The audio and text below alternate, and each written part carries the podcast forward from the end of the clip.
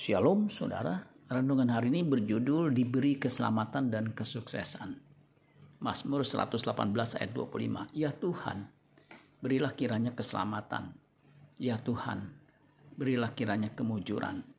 Terjemahan net mengatakan begini untuk Mazmur 118 ayat 25. Please Lord, deliver. Please Lord, grant us success. Orang beragama mendambakan keselamatan di bumi dan di akhirat serta kesuksesan dalam segala hal ketika ia hidup. Demikian dengan umat PL Perjanjian Lama. Allah menginginkan umatnya bangsa Israel selamat dan sukses. Abraham diberkati dan sukses dalam usahanya. Alkitab mencatat dengan jelas janji Tuhan kepadanya dan hal itu diulang-ulang. Kejadian 12 ayat 1 dan 2. Berfirmanlah Tuhan kepada Abraham, pergilah dari negerimu dan dari sanak saudaramu dan dari rumah bapamu ini ke negeri yang akan kutunjukkan kepadamu. Aku akan membuat engkau menjadi bangsa yang besar dan memberkati engkau serta membuat namamu masyur dan engkau akan menjadi berkat. Kemudian kejadian 22 ayat 15 sampai 20, sampai 17. Untuk kedua kalinya berserulah malaikat Tuhan dari langit kepada Abraham. Katanya, aku bersumpah demi diriku sendiri Demikianlah firman Tuhan. Karena engkau telah berbuat demikian dan engkau tidak segan-segan untuk menyerahkan anakmu yang tunggal kepadaku. Maka aku akan memberkati engkau berlimpah-limpah dan membuat keturunanmu sangat banyak, seperti bintang di langit dan seperti pasir di tepi laut. Dan keturunanmu itu akan menduduki kota-kota musuhnya. Memang terbukti secara materi Abraham sangat sukses dan diberkati Tuhan. Kejadian 13 ayat 2. Adapun Abraham, Abram sangat kaya, banyak ternak, emas, perak, dan emasnya. Bagaimana dengan umat PB, perjanjian baru? Orientasi umat PB bukan di bumi ini. Di bumi asal ada makan dan pakaian cukup. Kristus mengajarkan prinsip hidupnya sebagai warga kerajaan Allah.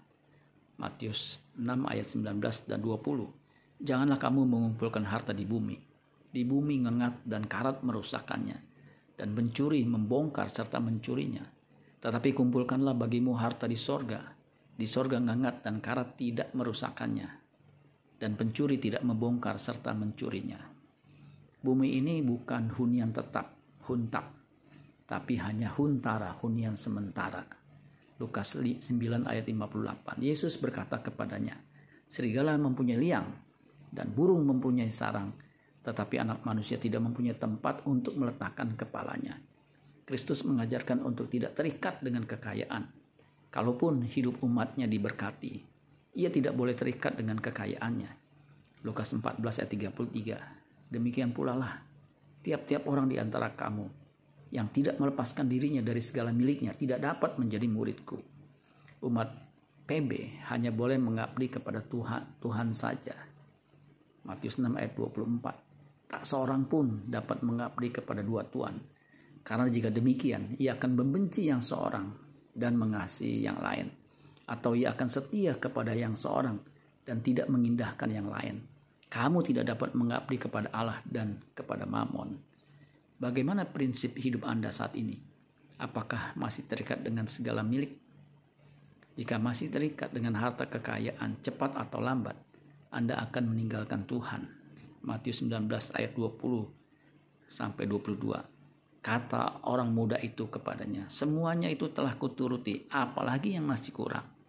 Kata Yesus kepadanya, jikalau engkau hendak sempurna, pergilah, jualah segala milikmu, dan berikanlah itu kepada orang-orang miskin, maka engkau akan beroleh harta di sorga. Kemudian datanglah kemari dan ikutlah aku Ketika orang muda itu mendengar perkataan itu, pergilah ia dengan sedih, sebab banyak hartanya. Amin buat firman Tuhan. Tuhan Yesus memberkati. Sola Gracia.